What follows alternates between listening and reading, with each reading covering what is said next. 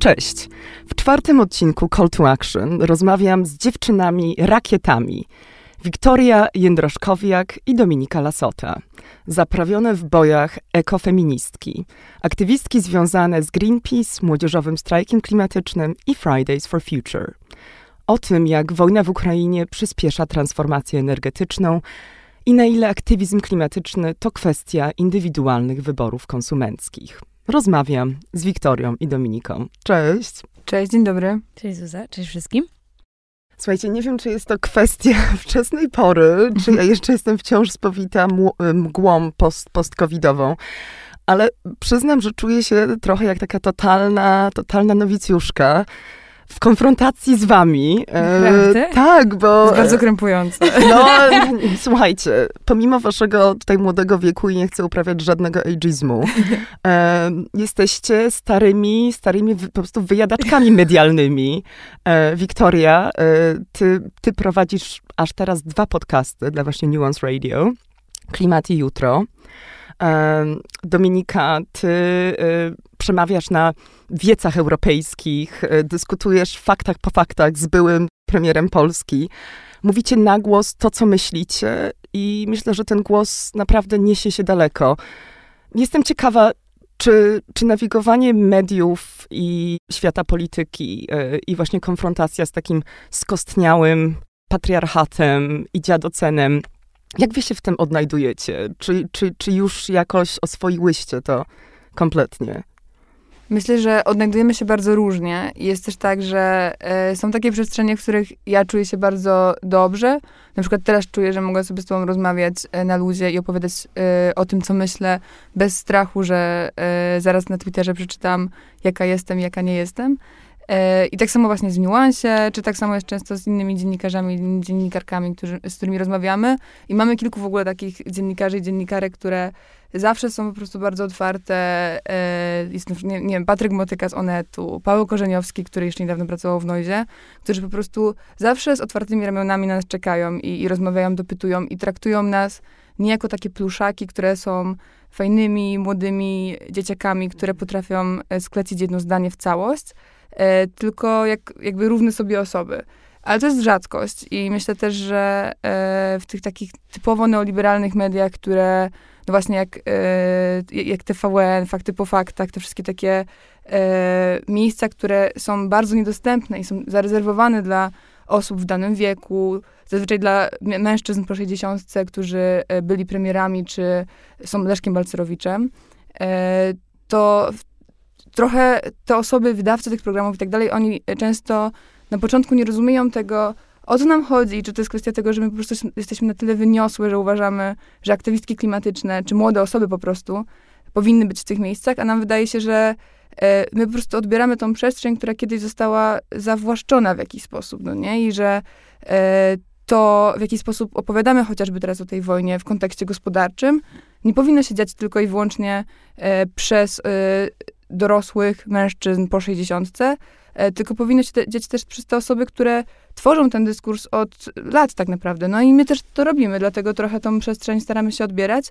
No i reakcje są różne, ale myślę też, że robimy to razem, e, czy ja z Dominiką, czy ja właśnie z Martą, z którą teraz y, robię audycję jutro w Niuansie, E, i z innymi dziewczynami, innymi osobami, które nas bardzo w tym wspierają na co dzień.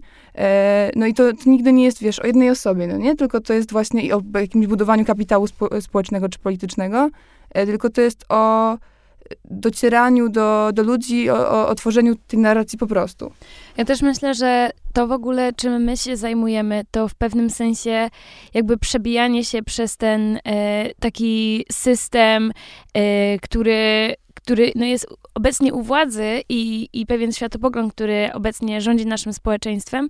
I my wchodzimy w to z takim przede wszystkim ogromnym poczuciem racji i słuszności, który nie wynika tylko z tego, że jakby ja tak mam po prostu, ja wiem wszystko, bo tak nie jest, tylko my się wsłuchujemy w głosy innych osób, wsłuchujemy się w naukę w kwestiach kryzysu klimatycznego. Czyli tak jak teraz wsłuchujemy się w głosy osób z Ukrainy, które mówią, opowiadają nam, z, czym, z czego wynika ta wojna. Jakby my po prostu opowiadamy rzeczy w pewnym sensie, wsłuchując się w te głosy, które były, y, które są tłumione przez ten obecny system. Bardzo często ja osobiście spotykałam się z takimi reakcjami jakby y, takiego, takiego szoku, kiedy osoby właśnie, czy to politycy, czy to y, osoby w mediach, czy, czy nawet po prostu osoby tak społecznie, nie wiem, w rodzinie, czy wśród znajomych, czy po prostu obce osoby, jakby nagle stykają się z tym głosem, stykają się z tym innym podejściem do świata i, i to ich tak kompletnie wybija z rytmu. I, i dla mnie i dla mnie przede wszystkim to jest sygnał, że to działa, to co robimy, to działa, bo to rezonuje z ludźmi, to ich wybija z tego, jak myślą, jak działają. Ale z drugiej strony to też właśnie uwidacznia bardzo różne reakcje. I tak jak Wiktoria powiedziała o tym, że spotykamy się y, z coraz większą ilością no, takich pozytywnych reakcji, ale też jest tak, że pomimo tego, że robimy to już jakiś czas i że przede wszystkim jest bardzo dużo i bardzo dużo jest osób, które jakby robią to, co my robimy, to nadal traktowani jesteśmy i traktowane jesteśmy jako jakaś albo egzotyka i po prostu młode osoby, które mają coś do powiedzenia. Wow! jakby niesamowite. Po prostu mówią, myślą.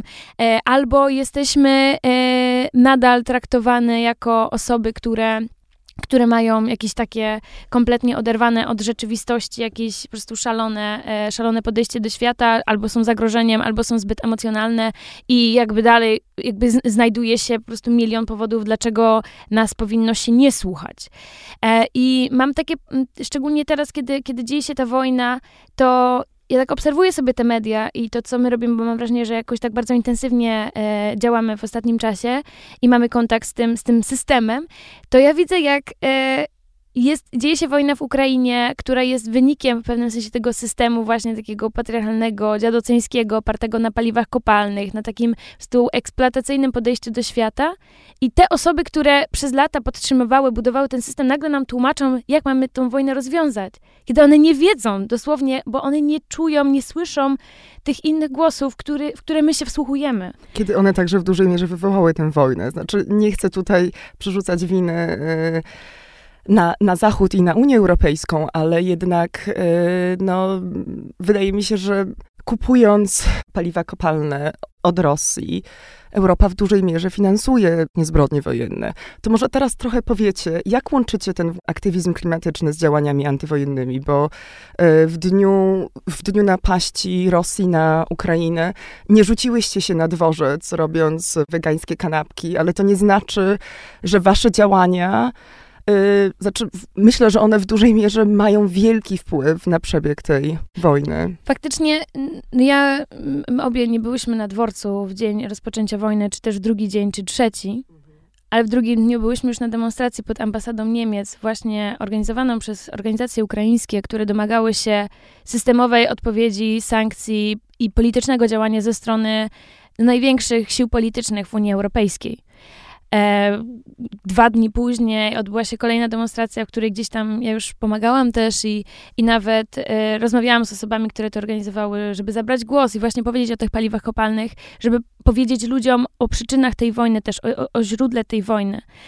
E, I od tamtego momentu tak naprawdę prowadzimy działania, które są działaniami politycznymi bo ta wojna jest polityczna, ta wojna wzmacnia się lub osłabia właśnie na tych najwyższych szczeblach, do których my nie mamy najczęściej dostępu, więc staramy się przebijać i też otwierać jakiś, wbijać taki klin i otwierać tą szczelinę dla innych osób i dla ruchów społecznych, dla innych organizacji, dla tych głosów też osób najbardziej dotkniętych tym, co się dzieje, właśnie żeby to one mogły zadecydować o tym, jak to będzie rozwiązywane i domagać się zmian.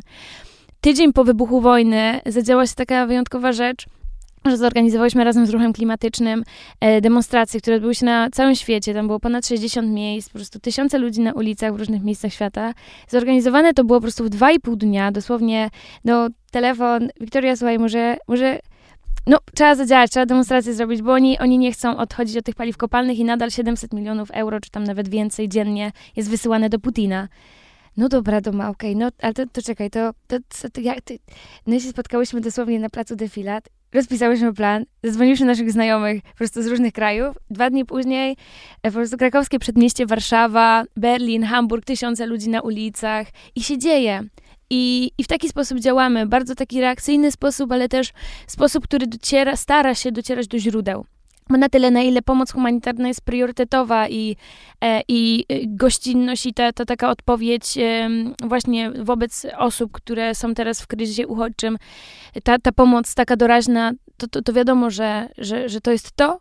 Natomiast no, ta wojna ma konkretne źródła i, I to je od, trzeba w tym momencie odciąć. I to jest coś, czym my się zajmujemy. I to już przynosi pewne efekty. Embargo na paliwa kopalne jest, no teraz, jak, jak się okazuje, główną kartą przetargową w tej wojnie. I widzimy, że Niemcy, rząd niemiecki, rząd austriacki czy węgierski już mówią, że nie, nie, nie. E, polski rząd mówi embargo na wszystko, po czym teraz gdzieś tam już widzimy, że troszeczkę konkretów e, brakuje. Ale ewidentnie to jest ten temat.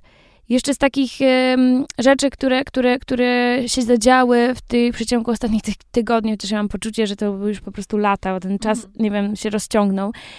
E, byłyśmy w Brukseli razem z naszą delegacją wschodnioeuropejską, z aktywistkami z Ukrainy, z Węgier, e, były też z nami osoby z Niemiec i oczywiście z Polski. I pojechałyśmy tam przed um, szczytem Rady Europejskiej, szczytem G7, które się działo więc duże wydarzenia. No i my uznałyśmy właśnie, że znowu, kiedy dzieje się coś na tym tak zwanym najwyższym szczeblu, to tam muszą znaleźć się głosy osób, które rozumieją tę wojnę tak naprawdę i które będą chciały dążyć do, do prawdziwych rozwiązań tej wojny. Pojechałyśmy tam, spotkałyśmy się z politykami z, no, z mam wrażenie, z całego spektrum politycznego, bo tu i był i Radosław Sikorski, i Janna Zalewska jednego dnia. No i także gość jednak specjalny, bo miałyście face to face spotkanie z Ursulą von der Leyen, prawda, przewodniczącą Komisji Europejskiej. Tak, faktycznie ta nasza, ten nasz wyjazd do Brukseli zakończył się tym, że Ursula von der Leyen się z nami spotkała i przez półtorej godziny w jej biurze rozmawiałyśmy na temat na temat właśnie źródeł tej wojny, czyli paliw kopalnych. I ona sama powiedziała, że Europa w tym momencie musi się, musi całkowicie odejść od paliw kopalnych, nie tylko z Rosji, ale też od innych dyktatur, innych reżimów, e, czy to z Bliskiego Wschodu, czy to z Ameryki Południowej, bo tu chodzi o coś więcej tak naprawdę niż tylko ta wojna w Ukrainie, tylko tu mamy do czynienia z szerokim, ogromnym systemem tej zależności od paliw kopalnych, który też łączy się z kapitalizmem, z tym wyzyskiwaniem natury, ekosystemów, ludzi, po prostu postawianiem zysków ponad wszystko e, i, i, i, też łączy się e, jakby fundamentalnie z no, niedemokratycznymi działaniami. E, I stąd ta odpowiedź na tę wojnę w Ukrainie to też jest odpowiedź, która jest, wychodzi to jest czymś więcej niż tylko o Ukrainie. To jest o czymś więcej, o generalnie naszym podejściu do świata, o tym, na czym chcemy e, bazować nasze gospodarki, nasze społeczeństwa, jakie źródła energii uważamy za, za słuszne i zadające bezpieczeństwo tak długofalowo. E, I, i to jest też o, o polityce, która powinna stawiać ludzi, ten nasz dobrostan, nas wszystkich, nie tylko tu w Polsce, ale, ale nas wszystkich e, na pierwszym miejscu. Czy możecie też coś więcej powiedzieć o właśnie kulisach tego spotkania? Y, czy czujecie, że wasze postulaty zostały wysłuchane?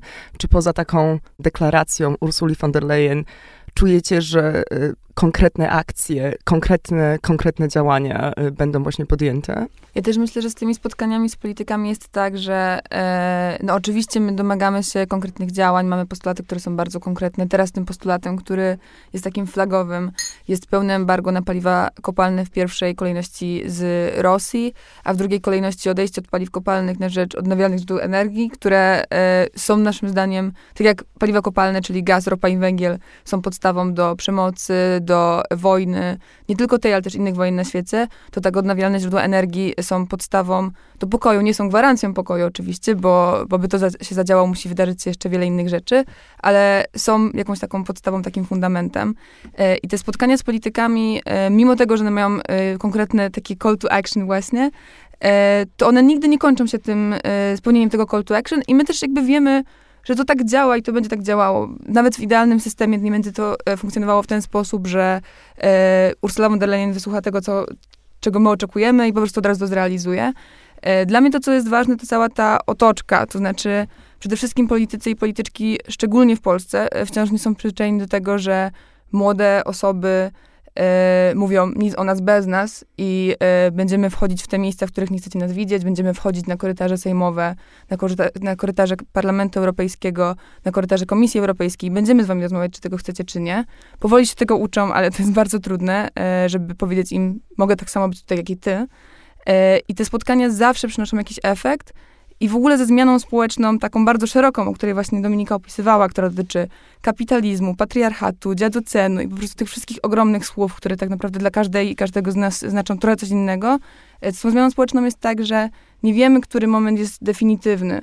I ta zmiana gdzieś tam się wydarzy i któraś z tych rzeczy, które my zrobiliśmy, być może ten protest 3 marca, być może protest, który organizujemy 22 kwietnia i protesty, które będą e, później, być może spotkanie z Ursulą von der Leyen, być może 16-letnia Arina Bilaj, która uciekła z e, Kijowa, by kilka tygodni później pojechać, czy tydzień później tak naprawdę pojechać z nami do Brukseli, a e, trzy tygodnie później zabrać e, głos przed no, milionami ludzi na świecie podczas e, eventu Global Citizen i powiedzieć wprost, siedzę przy stole z osobą, która finansuje wojnę w Ukrainie, siedząc koło Ursuli von der Leyen, no to są ogromne słowa i, e, i bardzo też takie odpowiedzialne słowa. I najgorsze jest to, że ma rację. No tak, i to jest też taka jednak wielka odwaga. I, Tak. i tutaj chciałam was też zapytać, czy to był zupełnie przypadek, że tam pojechały same dziewczyny w waszej delegacji? Bo Tam Nie. właśnie Arina, Arina z Kijowa, Lili z Węgier, Luisa z Berlina i właśnie ty, Dominika z Bydgoszczy. czy wyście, czy wyście znały się wcześniej? Czy powiem, że działacie właśnie w tych samych strukturach, w tych samych ruchach klimatycznych? Mhm, No my się, my się bardzo dobrze znamy, bo my działamy na co dzień i my się przyjaźnimy, myślę, można tak powiedzieć. Bardzo dobrze siebie rozumiemy i, i to nie jest przypadek, że tam pojechały cztery dziewczyny, bo ruch klimatyczny jest dziewczyński, jest siostrzeński, jest feministyczny. Pomimo tego, że jest wiele e, chłopców czy młodych mężczyzn, którzy chcą nam bardzo często zabrać przestrzeń i wmówić nam, że nie mamy racji albo że musimy usiąść z boku, e, aż oni powiedzą najpierw. No to tak nie jest i, i, i my bardzo, bardzo, myślę, silnie zaznaczamy, że to jest nasza przestrzeń i tutaj panują nieco inne zasady niż na zewnątrz. Em, natomiast rzeczywiście pojechałyśmy tam, e, byłyśmy na tym spotkaniu we czwórkę i to było, myślę, to było wyjątkowe spotkanie, bo a propos tych kulisów jeszcze, to e, siedziałyśmy sobie w tym biurze Ursuli von der Leyen na, nie wiem, szczytowym piętrze po prostu tego wieżowca Komisji Europejskiej i em, siedzieliśmy tak w takim jakby okręgu e, i Ursula siedziała przed, jakby za nią na ścianie był taki, e, był obraz, zdjęcie wykonane z e, podpisywania traktatu lizbońskiego, albo e, jeszcze, nie, nie, nie, chyba wcześniej. No w każdym razie traktat, jednego z Jednego z traktatów traktatów, fu- tak, fundamentalnych traktatów To, co jest Unii ważne, to to, że to było, e, że to nie było w 2022 roku, tylko, tylko znacznie wcześniej. Tak, no to były lata, lata, lata XX wieku, bardzo, bardzo dawno temu i oczywiście... Z waszej, z waszej perspektywy? Tak, z naszej perspektywy dawno temu. W wieku, w którym jeszcze nie żyłyśmy, więc... No, obydwie. dokładnie. E, Natomiast ona siedziała, e, jakby właśnie za nią był ten portret, no i oczy- ten- to zdjęcie i oczywiście, no to zdjęcie nie mogło wyglądać inaczej, jak jakichś 50 starszych panów siedzących razem, podpisujących jakieś dokumenty. I ja tak, i tak rozmawiamy, rozmawiamy, po prostu mówimy o tym, jak to ona negocjuje teraz po prostu z Joe Bidenem i z innymi e, tutaj światowymi przywódcami, żeby przekonać ich, że muszą faktycznie wprowadzić to embargo i teraz jeszcze e, faktycznie przyspieszyć transformację energetyczną w kierunku OZE. E, Rozmawiamy o kryzysie e, też żywnościowym, który nadchodzi, o kryzysie klimatycznym, o tych wszystkich rzeczach. Mówimy o tym, co robimy w naszych krajach. Ja tak w pewnym momencie tak, tak słucham, bo dziewczyny akurat rozmawiały ja tak, tak patrzę sobie na ten obraz za nią i tak jak one na chwilę skończyły mówić, ja mówię, że ciekawe jest to zdjęcie, które jest za panią. On tak się odwraca. Mówię, no to spotkanie dzisiaj wygląda nieco inaczej. Ona mówi, no, no tak, no tak. Ja mówię, i chyba mówimy tutaj nieco o innym świecie niż oni nam budowali. On mówi, no w tych e, po, pomieszczeniach, w których dzieje się, dzieją się nadal szczyty Rady Europejskiej, to nadal nie wygląda tak jak tutaj u nas razem dziś. To nadal wygląda tak jak za mną. Tak, ale właśnie pomimo tego, że to, że to młode dziewczyny z pokolenia Z są właśnie twarzą współczesnych, współczesnych ruchów klimatycznych, to niestety y, wciąż właśnie przedstawiciele wymierającej ery, ery dziadocenu podejmują kluczowe dla waszej przyszłości decyzje e, i kontynuują trucie planety. Ja, jak wy się z tym czujecie? Czy was to, czy was to nie wkurza? Jak, Często jesteśmy w takich sytuacjach, kiedy, e, nie wiem, jesteśmy na takich spotkaniach, które są po prostu niesamowicie wkurzające i takie bardzo trudne i jestem taką osobą, która zazwyczaj e, jest, e, szybko się irytuje i w ogóle jest taka wybuchowa. Dominika zupełnie nie. A w tych sytuacjach, sytuacjach mam wrażenie, że to się trochę zamienia. Dosłownie. Jest Ja mam tak, że ja jakby wchodzę w taką rolę, że no to się wydarzyło znowu, znowu ta osoba wytłumaczyła mi świat, w którym ja żyję i właśnie mam często jakieś takie rozmowy, że wiesz, ogarniam jakieś takie najprostsze rzeczy, nie wiem, logistyczne, dotyczące wydarzenia, które robimy i dzwonię do osoby, która ma zająć się nie wiem, e, wymyślam teraz, samochodem e, tego, na, na tym wydarzeniu i ta osoba zaczyna mi tłumaczyć, jak działa system energetyczny e, w Europie i mam takie, Mansplaining wiem, zawsze. w sensie ja, Mm. ja, ja właśnie nauczyłam się teraz, i ostatnio rozmawialiśmy o tym z Dominiką, że nauczyłyśmy się teraz już mówić, e, tak, wiem o tym, zajmuję się tym, zajmuję się tym od lat. I po prostu to często też wytrąca ich z równowagi. To jest taki sam sposób właśnie jak te dobijanie się do mediów, które nie bardzo nas chcą, a potem wszyscy są zadowoleni, że tam byłyśmy i po prostu... było o tym jak rewolucyjne, No, jak rewolucyjne rozmowy. Ale nie myślicie, że to jest też trochę takie właśnie fetyszyzowanie Tak, generacji tak, Z?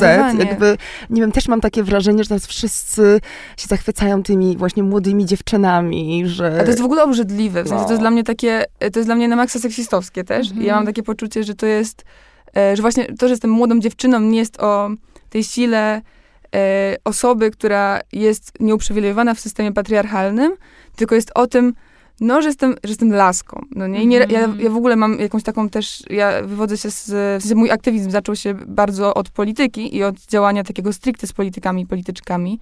E, No ja mam jakieś takie historie o, o, słyszeniu od polityków lewicowych w ogóle. To nie tak, że, że nie wiem, od osób z partii rządzącej e, właśnie zadzwoń do mnie laska i takie rzeczy, które są mega obrzydliwe tak na koniec dnia, no nie? Oni skracają ten dystans w jakiś taki zupełnie dziwny sposób. Jakby to, właśnie ich takie dobre słowo, ten uśmiech, te, to zdjęcie, to było to, co nam chodzi. Ja zawsze mówię, to nie jest to, w sensie, ty, jeśli chcesz zrobić coś dla mnie, to spełnij ten postulat, albo powiedz, że go nie spełnisz, żebyśmy mieli all things clear, no nie? I wydaje mi się, że, e, że ja czuję się z tym tak, że e, trochę się przyzwyczajam i przyzwyczaiłam już, e, ale też e, wiem, że te wszystkie takie sytuacje o hejcie, te sytuacje właśnie o takim niezrozumiałym mansplainingu i, i to są jakieś takie reakcje tak naprawdę tego całego złożonego systemu na to, e, że ja wkładam rękę w jego szprychy, no nie? To jest jakaś bardzo, bardzo duża metafora, ale e, mam na myśli, że e, po prostu ten system próbuje się jakoś bronić, no nie? To jest taka reakcja alergiczna i, Mhm. e, no i muszę się mierzyć z tą re- reakcją alergiczną, jeśli chcę coś zmienić. Natomiast To ja, znaczy, się że nie, to działa. ja się nie przyzwyczaiłam i chyba zaczynam dopiero ostatnio coraz bardziej jakby czuć coraz większe niezrozumienie, gniew i taki szok, że my nadal na to przyzwalamy, bo ja, no, ja, ja generalnie, my trochę z Wiką się ró- różnimy się pod wieloma względami.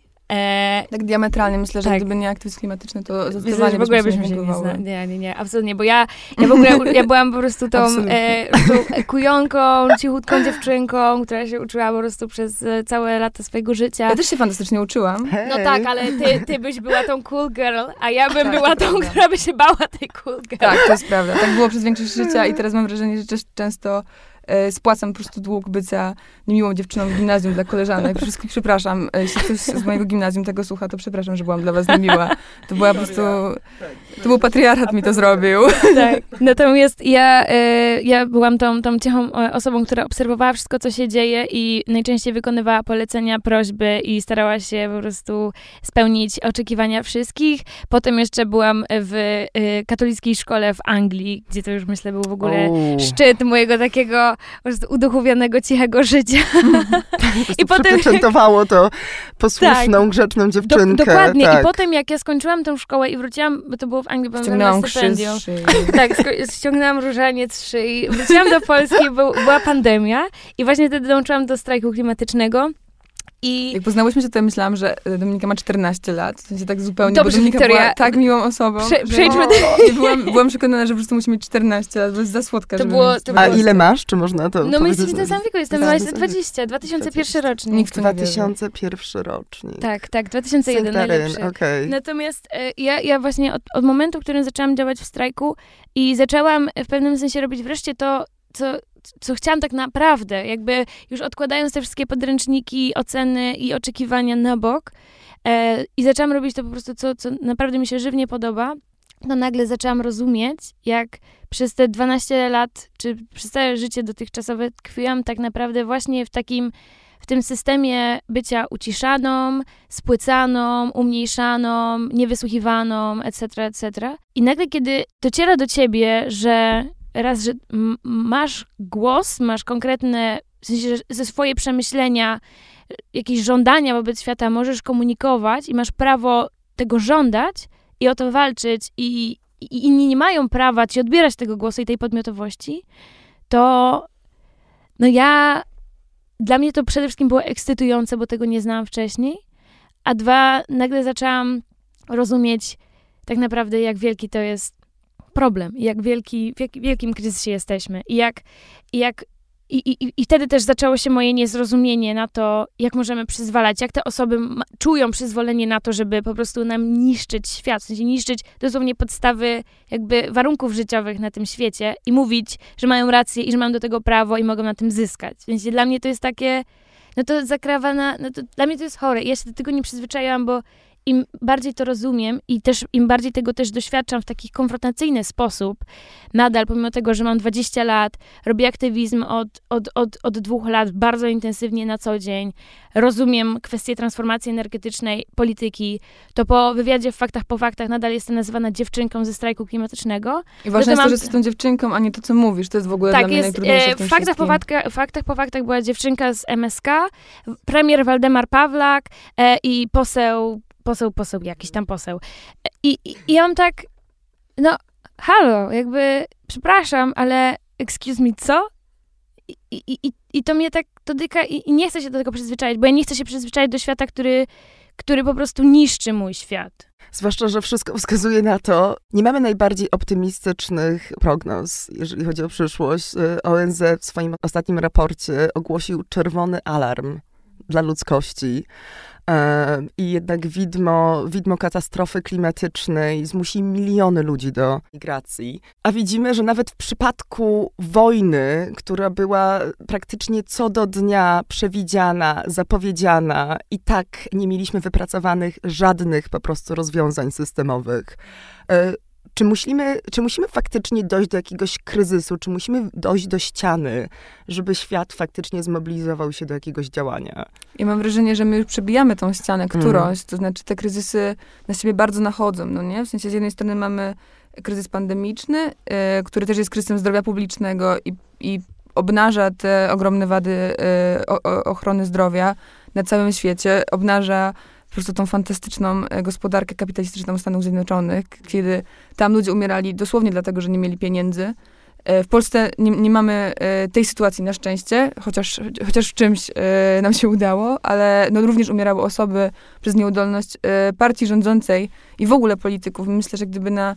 Bo to nie jest kwestia PiSu w ogóle. Ja myślę, że to jest bardzo ważna rzecz, żeby to ustalić i ja bardzo to podkreślam to nigdy nie jest kwestia Prawa i Sprawiedliwości, a nam często też próbuje się tak mówić, e, tak, tak mówić, dlatego że my nie pamiętamy po prostu poprzednich rządów, no nie? W sensie jak e, Donald Tusk e, i Ewa Kopacz kończyli rządzić w Polsce, no to miałam 13 lat, no więc to nie było świadome, świadome życie w, w świecie, które jest o polityce.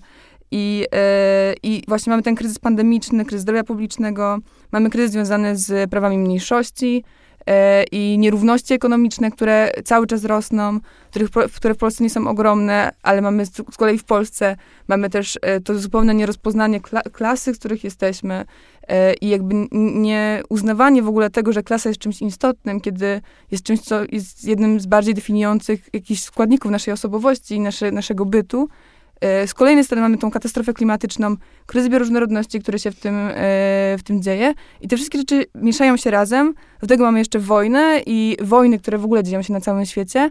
No i te rzeczy są ze sobą bardzo związane, dlatego my właśnie chcemy pokazywać to, że te wszystkie rzeczy mają bardzo podobne, albo wręcz te same źródła. Jednym z tych źródeł są paliwa kopalne i to, że opieramy system na gazie, na ropie, na węglu, opieramy system na tym, że chcemy wciąż e, eksploatować to, te zasoby, które e, są skończone e, i udajemy, że one nie są skończone, że w przypadku pierwszych trzech, czterech dni wojny polscy ekonomiści również wypowiadali się w mainstreamowych mediach na temat tego, ile ta wojna będzie nas kosztować i to są tematy, które nas interesują, no nie? W sensie, my tworzymy świat, my mam na myśli ludzie, politycy, polityczki, a nie teraz my jako ja i Dominika, stworzyliśmy sobie świat, w którym liczymy, jak bardzo duża regresja ekonomiczna e, będzie spowodowana wojną w Ukrainie. I czy te sankcje e, mogą zostać nałożone, e, jeśli e, będziemy mieli regresję ekonomiczną na poziomie pół roku, no nie? To jest mniejsza regresja niż którą przyniósł nam COVID.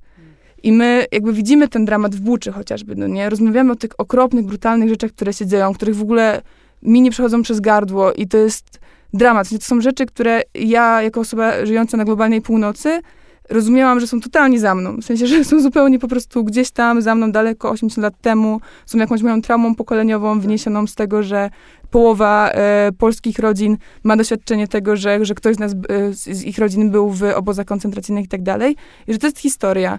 Nagle okazuje się, że te wielkie hasła o nigdy więcej wojny, to nie jest historia. Nie ma nigdy więcej wojny. Wojna się dzieje, dzieje się 300 kilometrów od Warszawy i jesteśmy z tym totalnie okej, okay, no nie? I e, gdy słyszę Olafa Scholza, który mówi, Niemcy nie, nie, mogą ponieść tego wydatku, więc sprawdzam te wydatki, myślę sobie, o Boże, to na pewno jest po prostu, wiesz, 30 tysięcy euro na osobę i okazuje się, że to jest 80 euro. Co to jest 80 euro dla Niemców, no nie? W sensie dla Polaków również, oczywiście. Co to jest 80 euro dla e, równolatek moich, które teraz umierają w Ukrainie, które są gwałcone w Ukrainie w imię demokracji, którą na sztandarach ma Unia Europejska, no nie? I ja e, jakiś czas temu pracowałam przy tej kampanii, która nazywała się Born in EU. I tam opowiadałyśmy razem z moją koleżanką Julią Śmiech e, o tym, w jaki sposób e, jakby jesteśmy innym pokoleniem, dlatego że urodziłyśmy się już tak naprawdę w Unii Europejskiej. No bo jak wchodziliśmy do Unii Europejskiej, ja miałam 3 lata, no więc wychowałam się już w tym wszystkim. Mówiłyśmy o tym, czego chcemy od Unii Europejskiej, że już nie chcemy autostrad i orlików. I mówiliśmy o realizacji tej demokracji, właśnie e, równości, sprawiedliwości społecznej i tak tych wszystkich rzeczy, które Unia Europejska przecież ma w swoich wartościach, na swoich sztandarach niesie, opowiada i tak. No i gdzie teraz jest ta Unia Europejska? Więc to, co my teraz robimy, to tak naprawdę pociągamy odpowiedzialności osoby, które są naszymi pracownikami. To znaczy, ja, ja zawsze mam takie podejście do polityków i do polityczek. Ursula von der Leyen może być miłą osobą, może mówić o patriarchacie, e, może rozumieć tą zmianę, ale wciąż jest moją pracowniczką, w sensie jest, jest, nas wszystkich jest pracowniczką. I ona ma doprowadzić do tego, nie wiem jak to zrobi, nie obchodzi mnie to, ma 70 lat i ogromne doświadczenie w polityce, ma doprowadzić do tego, że głowy państw Unii Europejskiej zdecydują się e, na pełne embargo na paliwa kopalne, dlatego że z moich pieniędzy e, nie, będą, nie będzie opłacana wojna, bo ja się na to nie godzę.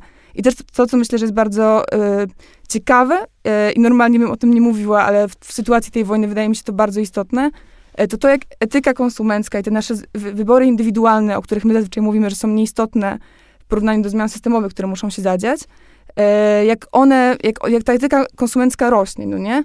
I my rezygnujemy z Leroy Merlin, ludzie e, decydują się na po prostu omijanie dekatlona szerokim łukiem, nie kupujemy płatków i batoników Nestle i robimy te wszystkie rzeczy dlatego, że te firmy zostały w Rosji. W tym samym czasie z naszych pieniędzy E, finansowana jest ta wojna, ponieważ nasze państwo między innymi kupuje ropę, węgiel i gaz z, z Rosji. Myślę, że jeśli ludzie usłyszą to, że to ty dokładasz się do tej bomby, która spada w tym momencie na Mariupol i na Kijów, no to to jest zupełnie inna rozmowa. To nie jest już rozmowa o jakimś świecie, o tych dużych słowach, o kapitalizmie, o systemie, które nie, które nie są zrozumiałe po prostu dla ludzi, tylko to jest rozmowa o tym, że twoje złotówki wpadają teraz w bomby, które spadają na, na miasta twoich kolegów, twoich koleżanek z Ukrainy. Też ja mam też takie mm, mm przemyślenie ostatnio a propos tego raportu IPCC i tego kolejnego właśnie czerwonego alarmu, że przez wiele lat, myślę szczególnie właśnie w tym regionie Europy, globalna północ, my mamy takie, mieliśmy takie podejście, że kryzys klimatyczny jest o jakiejś katastrofie, która nadchodzi, o jakimś końcu świata, który się zbliża i o jakiejś przyszłości, która stoi pod znakiem zapytania. A teraz mam wrażenie, jak nigdy wcześniej, albo jak od, od dawna, widać, że ten koniec świata się dzieje, trwa i jest transmitowany w TVN24. Że jakiś koniec świata w Ukrainie właśnie teraz ma miejsce. Jednocześnie jakiś koniec świata dzieje się w Jemenie, w Syrii, ale też dzieje się w Ugandzie, gdzie na przykład francuska firma paliwowa Total e, buduje największy rurociąg na świecie, największy rurociąg paliwowy w historii, e, doprowadza do e, tak naprawdę zniszczenia jeziora Wiktorii, parków narodowych tam, wypchnięcia 150 tysięcy mieszkańców Ugandy i Tanzanii i robią to po prostu od tak. I tam też się dzieje jakiś koniec świata. Myślę, kiedy, kiedy ta optyka zmienia się z, z czegoś, co się kiedyś zadzieje i co kiedyś jakby zniknie z naszego życia, a a, a, zmieni się właśnie w patrzenie na tu i teraz i na końce świata, które się dzieją właśnie w tym momencie przez system, który budujemy i finansujemy z naszych pieniędzy, to zmienia się też nasze działanie i zmienia się to poczucie tak naprawdę, z czym mamy do czynienia i o co my walczymy. I ta wojna w Ukrainie dla mnie przedstawiła, myślę, że no prawie wszystko. Bo ja jako aktywistka klimatyczna, pomimo tego, że dokładnie rozumiałam to, że, że kryzys klimatyczny dzieje się teraz, potrzebujemy działań tu i teraz, no bo przecież jakby jest, jesteśmy, już trwamy w ogromnym niebezpieczeństwie, to nagle ta wojna pokazuje, że, że, że ten system właśnie paliw kopalnych, tych polityków, którzy po prostu na to dalej zezwalają, że on, on do, bezpośrednio doprowadza do tego, że że na dworcu centralnym w Warszawie przyjeżdżają, przyjeżdża tysiące osób, wychodzi stamtąd i patrzy się dookoła i nie wie, co robić ze sobą. Że dokładnie ten system sprawia, że nasza po prostu przyjaciółka z Kijowa, 16-letnia Arina, musi zbiegać do schronu bombowego, a potem uciekać ze swojego kraju. Żyć tutaj nagle bez żyć rodziców. Żyć tutaj bez no rodziców i, i, i, i, w znowu, Ukrainie. i znowu jakby zastanawiać się, co, co dalej że ten, ten system jakby i, i, ta, i ta wojna tak jak, jak nigdy wcześniej pokazała mi, że, że to jest o tu i teraz. Tak, że to jest taki nasz właśnie wake-up call, że absolutnie teraz musimy powiedzieć po prostu never again, nigdy Tak. więcej, nigdy więcej wojny, nigdy więcej właśnie paliw, paliw Myślę, że kopalnych. wręcz możemy powiedzieć, bo już raz powiedzieliśmy nigdy więcej wojny i yy, ja mam wrażenie, że to jest w ogóle najbardziej zakłamane hasło, które słyszałam w życiu. Bo ta E, wojna cały czas się działa też które- po tej właśnie drugiej wojnie światowej regularnie. Dokładnie, ona tylko cały czas innych miejsce. I, i Mhm. po prostu też, też w ogóle, gdy zaczęła, zaczęła się, wojna w Ukrainie zaczęła się w 2014 roku i Dokładnie.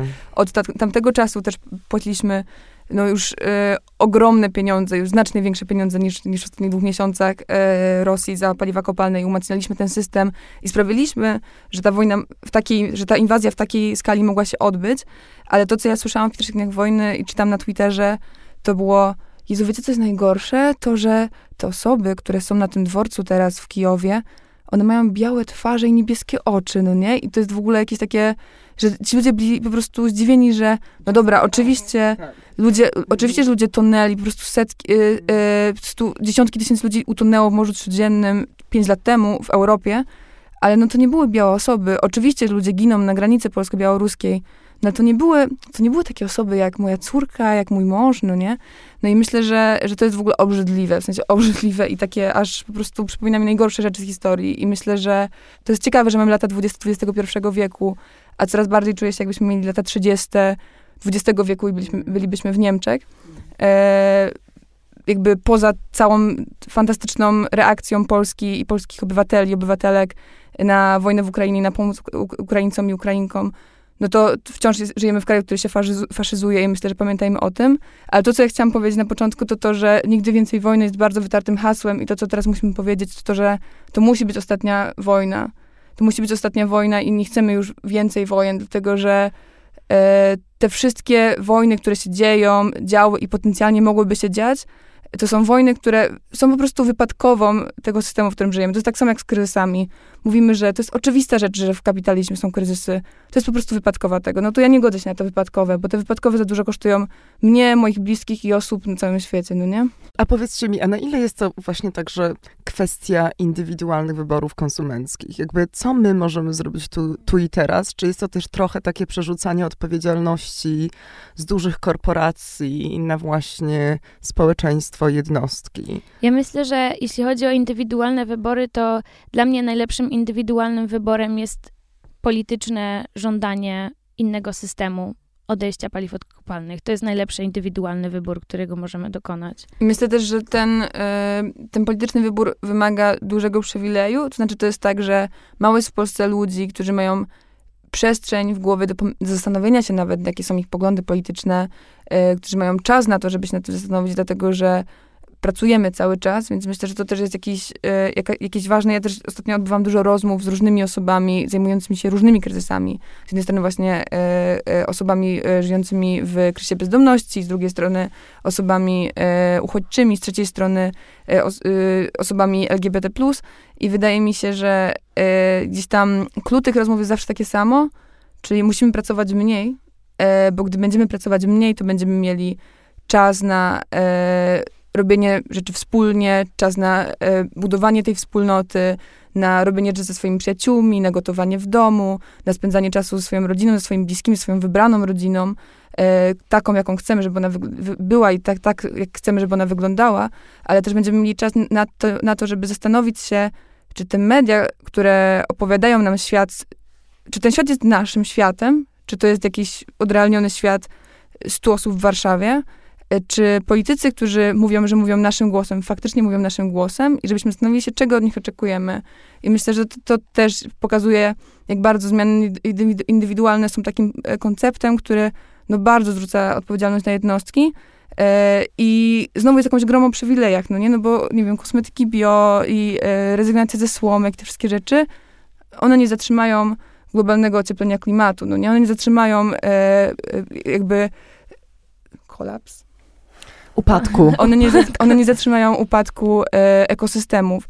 One nie zatrzymają tego, że Francja e, przestanie budować rurociąg w Ugandzie, no nie? Nie zatrzymają tego po prostu. E, I powiedzmy sobie to wprost i też e, wtedy być może, gdy będziemy mieli ten czas, będziemy mieli odwagę i możliwość spojrzenia na, na liczby e, i zobaczenia, jak bardzo mało my jako jednostki przyczyniamy się do e, chociażby kryzysu klimatycznego, a jak bardzo to jest po prostu systematyzowane przez, e, przez politykę, przez legislację, która na przykład e, sprawia, że ten rurociąg w Ugandzie może powstać. Większość ludzi w Polsce nie ma czasu, nie ma możliwości ekonomicznych, żeby być aktywistkami klimatycznymi. I to jest w pełni okej. Okay. I wydaje mi się, że e, jeżeli możemy, mamy ten przywilej, te możliwości myśleć o wyborach konsumenckich tego, co kupujemy, to to, to, to może właśnie te osoby, które mają ten przywilej, mogłyby pomyśleć, czy rzeczywiście to jest tak ważne, to co kupuję w Lidlu czy w Biedronce, a może mogłabym wykorzystać ten czas, żeby pomyśleć o jakimś zaangażowaniu, czy to w ruchy społeczne, czy to w przechodzenie na protesty, czy w jakiś in, w innej, um, inny sposób wspieranie tej, tej, tej zmiany społecznej, takiej na, na większą skalę. E, ale też e, myślę, że ze spokojem możemy sobie też, też powiedzieć, że często ten nasz aktywizm jest robiony w solidarności z osobami, które nie mają e, możliwości takiego zaangażowania, takiej świadomości, tej wiedzy. I musimy jakby bardzo czule wsłuchiwać się w to, w ich doświadczenie życia e, i w to, z czym się mierzą i starać się tak nawigować nasz aktywizm, żeby właśnie on był również w pewnym sensie no, o o wsparciu ich walki. E, I to jest trudne, to, to, to jest trudne, ale um, no ja mam jakoś tak osobiście, że to może być, to są naprawdę ostatnie lata, w których mamy możliwość zadecydowania o tym, jakiego świata chcemy i, i mamy możliwość jeszcze tej walki, żeby ten świat zachować, no to niech on będzie fajny dla wszystkich, bezpieczny dla wszystkich, wspierający dla wszystkich. Absolutnie, tak jak mówisz, Solidarność naszą bronią. E, a pod jakim hasłem w tym roku e, będzie demonstracja z okazji Dnia Ziemi? Bo też przypada w piątek, więc jestem ciekawa, czy możecie zdradzić, czy szukujecie jakąś akcję w ramach właśnie Fridays for Future? Tak, y, szukujemy akcję, która, szukujemy taki początek mobilizacji, która będzie skupiała się właśnie na potrzebie nałożenia embargo na paliwa kopalne z Rosji. I wychodzimy na ulicę pod hasłem Stop finansowaniu wojen, E, bo po pierwsze e, nie, chcemy zwrócić uwagę na to, e, że faktycznie my wciąż finansujemy tą wojnę i to musi się skończyć. I dla nas też, to jest w ogóle dla nas ciekawe, ciekawe o nas, że jakby deklaracja embarga to dla nas nie jest embargo, no nie? Tak samo jak Polska na przykład zadeklarowała embargo na wszystkie paliwa kopalne z Rosji, teraz możemy rozwijać się na ten temat, czy to się wydarzy, czy nie.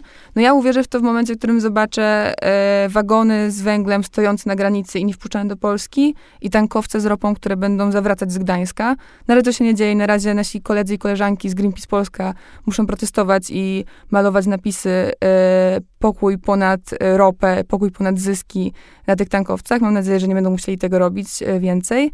E, I to stop finansowaniu wojen to jest, jakiś, jest jakby nazwa tej demonstracji, nazwa tych demonstracji, które będą się działy, miejmy nadzieję, w wielu miejscach w całej Europie i nie tylko. E, ale w ogóle my chcemy opowiadać o tym wszystkim jako o ostatniej wojnie i właśnie to hasło ostatnia wojna e, to jest coś, co, co wydaje nam się takie definitywne i podkreśla, jak bardzo teraz ważą się losy tego, czy ta wojna faktycznie będzie ostatnią. I że to właśnie w rękach tych polityków, kanclerza Niemiec, e, Ursuli von der Leyen, premiera Morawieckiego itd., tak itd., tak leży to, czy to będzie ostatnia wojna, czy nie. Ale też myślę, że kluczowe jest to, że to jest stop finansowaniu wojen, a nie wojny, bo dla mnie teraz widzimy wiele wojen. Dzieje się wojna w Ukrainie, ale kryzys klimatyczny jest o jakiejś takiej wojnie przeciwko ludziom, ekosystemom, gatunkom na całym świecie.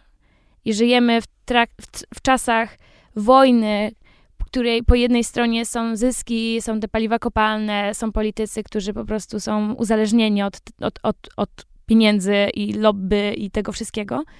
A po drugiej stronie są po prostu zwykłe osoby, ludzie, społeczności, ekosystemy, przyroda na całym świecie, która no, w tym momencie jest atakowana właśnie przez to podejście. No i my żądamy końca finansowania tego, końca wspierania tego systemu, tak żeby y, uratować co się da.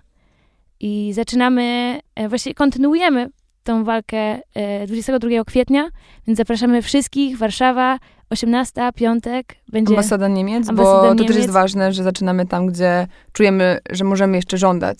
Pod ambasadą Rosji, ja nie chcę zwracać na nich uwagi chcemy żądać od, od ambasady Niemiec i od, od Niemiec oraz od innych państw, które są odpowiedzialne za stopowanie tego embarga, żeby ono się wydarzyło.